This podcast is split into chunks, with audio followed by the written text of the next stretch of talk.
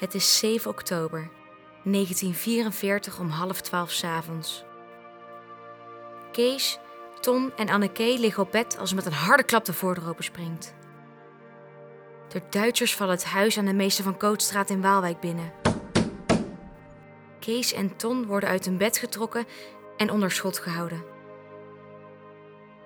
Anneke, die op dat moment 11 jaar is, laten ze achter.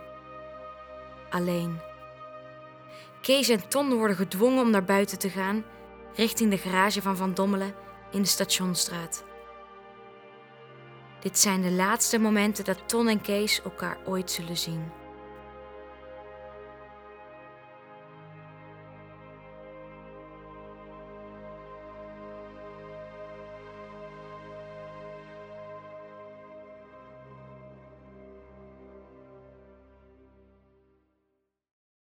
Je luistert naar de podcast Wie gooide de fosforbom? Een podcast over mijn oud-oom Kees, die op 19-jarige leeftijd in een buitenkamp van concentratiekamp Neuengamme overlijdt. Het onderzoek naar wat er is gebeurd met mijn oud-oom Kees begint een paar maanden geleden. Met een gesprek van mijn vader en mijn oom over de Tweede Wereldoorlog en de rol van mijn familie daarin. Zij vragen zich af of hun vader, mijn opa, nu wel of niet in het verzet heeft gezeten. Mijn vader zegt ooit een bewijs te hebben gezien. Enkele dagen daarna besluiten mijn vader en ik in de dozen op zolder te duiken. Dozen vol met herinneringen van mijn familie. En we vinden niet alleen het bewijs dat mijn opa in het verzet heeft gezeten, maar we vinden ook brieven, dagboekjes, foto's, andere bewijzen en nog veel meer. Ik vind een brief van Kees vanuit het Huis van Bewaring in Den Bosch van 16 juni 1943. Lieve vader, ik maak het naar omstandigheden niet slecht. Ik zit hier met de oudere mijn heer in een kamer. Het eten is tot nu toe steeds voldoende geweest. Ik mag pas naar huis zodra Piet zich gemeld heeft. Met moeder is dat ook zo. Wij houden ons hier bezig met het vouwen van enveloppen. Ik slaap op de grond, op een stroommatras. Ik ben dat wel gewoon, dus ik slaap tamelijk goed. Ik wens u alle het beste en hoop spoedig weer thuis te kunnen komen. Vele groeten. Kees. Dit is het begin van maanden onderzoek naar Kees. Wat heeft Kees meegemaakt? Wat heeft ervoor gezorgd dat hij in een concentratiekamp terecht is gekomen? Waarom Kees?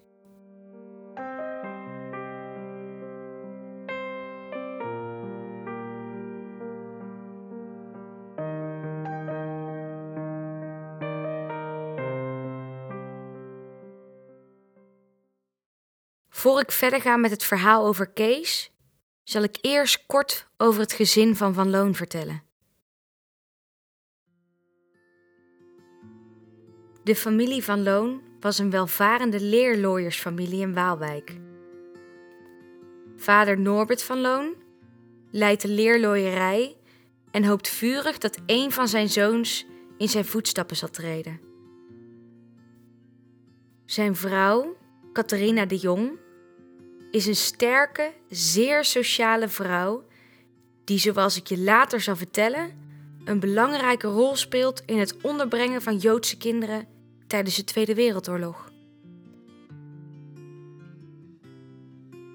Kees wordt op 21 februari 1925 geboren. Hij heeft dan drie grotere broers. De twee oudste van het gezin zijn de tweeling Ton en Piet. Piet krijgt op jonge leeftijd kinderverlamming, waardoor hij de rest van zijn leven lichamelijk beperkt is. Zo kan hij zonder corset niet staan en schrijft hij vanuit zijn schouder. Al vroeg gaat Piet in het verzet. Zo is hij in 1942 spion bij de Winterhulp. Daarnaast richt Piet de Nederlandse Unie op en heeft hij veel connecties met verzetstrijders door heel het land. Tom, door mij vaak oom Tony genoemd, heb ik nog gekend. Hij was pastoor, maar gaf daar op latere leeftijd een heel eigen invulling aan die afweek van de traditionele rooms-katholieke manier. Met hem heb ik veel gesprekken gehad. Hij was een warme, meelevende man. Over de oorlog spraken we nooit. Ik denk dat hij mij destijds te jong vond om de pijn die het hem deed met mij te delen. Helaas is oom Tony in 2011 overleden en kan ik hem niets meer vragen. Wel zul je oom Tony terug horen in deze podcast, omdat hij vlak voor zijn dood een interview heeft gegeven over zijn tijd in de Tweede Wereldoorlog. Na de tweeling Ton en Piet wordt op 30 september 1920 Berry geboren. Berry is mijn opa, die ik helaas niet heb gekend. Hij overleed in 1974. Ook Berry zit in het verzet. Hij is lid van de knokploeg. Zij plegen bijvoorbeeld gewapende overvallen, waar ze distributiebonnen en persoonsbewijzen buitmaken, of vernielen bevolkingsregisters. Als daarna Kees in 1925 wordt geboren, volgt later Anneke. Anneke is negen als de oorlog uitbreekt en dus nog erg jong. Het gezin van Loon groeit op in Waalwijk in een groot huis gelegen aan de Meester van Kootstraat. Vaak gaan ze naar de Loonsendrunnense duinen, waar ze ten hoogte van de Roestelberg op een heuvel een buitenhuisje hebben. Vanuit dat huis hebben ze uitzicht over de landerijen van Waalwijk en aan de andere kant de uitgestrekte duinen. De kinderen van Loon kunnen daar heerlijk spelen.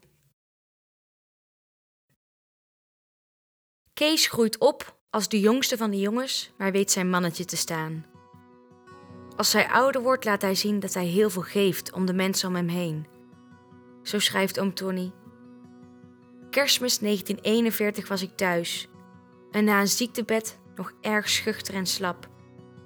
Maar oh, met wat een eerbied en zorg behandelde hij mij. Hij wou tactisch zijn, meehelpen aan mijn genezing. Hij had mensenkennis en een warm gevoel. Kees heeft een groot doorzettingsvermogen. Al is het leren voor hem erg moeilijk, hij zet door. Uren spendeert hij in zijn kamer om de toetsen van de HBS te halen. Wiskunde en scheikunde vindt hij het allermoeilijkst. Ook speelt Kees viool, al heeft hij er niet de meeste aanleg voor, zo schrijft oom Tony. Kees speelde graag viool. Hij had gevoel voor muziek, maar het was hem soms iets te moeilijk. Ik geloof niet dat hij er heel veel aanleg voor had. Maar trouw zette hij zijn studie door. Zin of tegenzin, oh hij was zo'n doorzetter. Die wil, die wil vormde zich oersterk. Na de HBS besluit Kees als boer te gaan werken. De oorlog is dan inmiddels ook in Nederland een feit en hij gaat naar Wieringenwerf in de kop van Noord-Holland. Ergens in 42 komt hij bij de familie De Bond terecht, die Piet kent vanuit het verzet. Later in mijn onderzoek kom ik erachter dat Kees hier hoogstwaarschijnlijk zat om de dienst in Duitsland te ontlopen. Maar ook dat is niet zeker. Kees raakt daar bevriend met Jozef Laarhuis. Ze werken veel samen op het land en in de stallen. Jozef is een paar jaar ouder.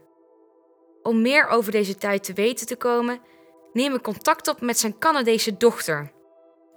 Zij geeft aan dat Jozef niets uit de tijd heeft verteld. Maar waarom, vraag ik me af.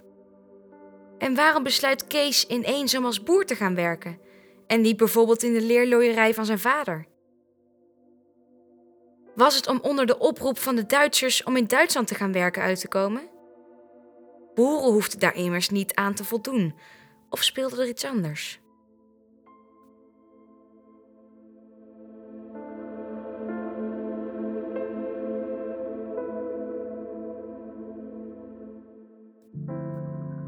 Gaan terug naar Waalwijk. Het is 5 mei 1942.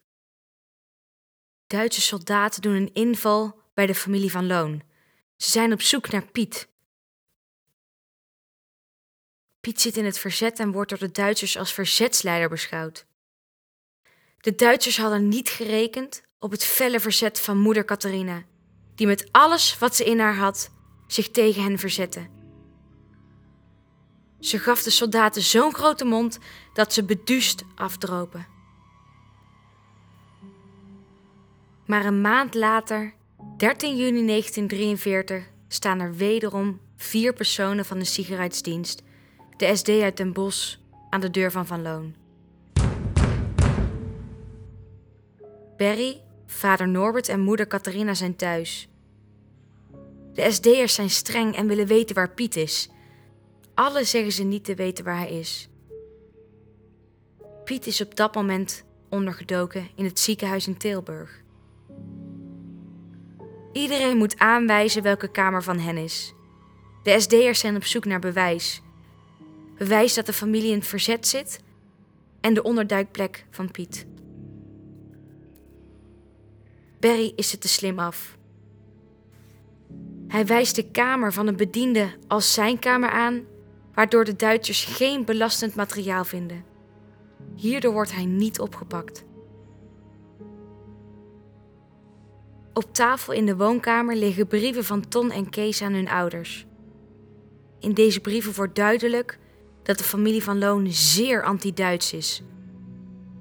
Ook vinden de SD'ers de radio die op Engelse zender staat. Op die manier bleven Nederlanders op de hoogte van het nieuws, iets wat streng verboden was door de Duitsers. De Duitsers vragen niet alleen waar Piet is, ze willen ook weten waar de heer Nijssen is. Nijs is een Waalwijkse politieagent die het verzet hielp. Zo waarschuwt hij 21 personen die door de Duitsers opgepakt zouden worden, door een briefje in de bus te doen met: U wordt morgenochtend van uw bed gelicht. Daarom moet hij op 23 maart 1943 onderduiken. Nijsse komt veel bij de familie van Loon thuis. Hij heeft zo contact met het verzet maar Catharina weet echt niet waar Nijsse ondergedoken zit en blijft daarom ontkennen. De SD'ers hebben er genoeg van. Iemand moet boeten voor het niet meewerken. Catharina wordt meegenomen en naar de gevangenis in Den Bosch gebracht. Maar dat is niet genoeg. Ook Ton en Kees moeten boeten. Zij hebben zich immers fel anti-Duits uitgelaten in de brieven die de Duitsers hebben gevonden. Kees wordt opgepakt in Weringenwerf en Ton in het seminarie in Tilburg, waar hij studeert voor priester. Ook zij worden naar het huis van bewaring in Den Bosch gebracht. Al weten ze dat in eerste instantie niet van elkaar.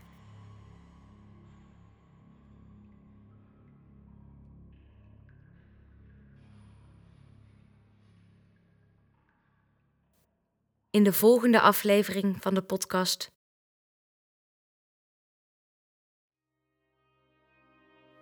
Als ik maar steeds bleef ontkennen, werd hij kwaad en begon dan met het volgende te dreigen.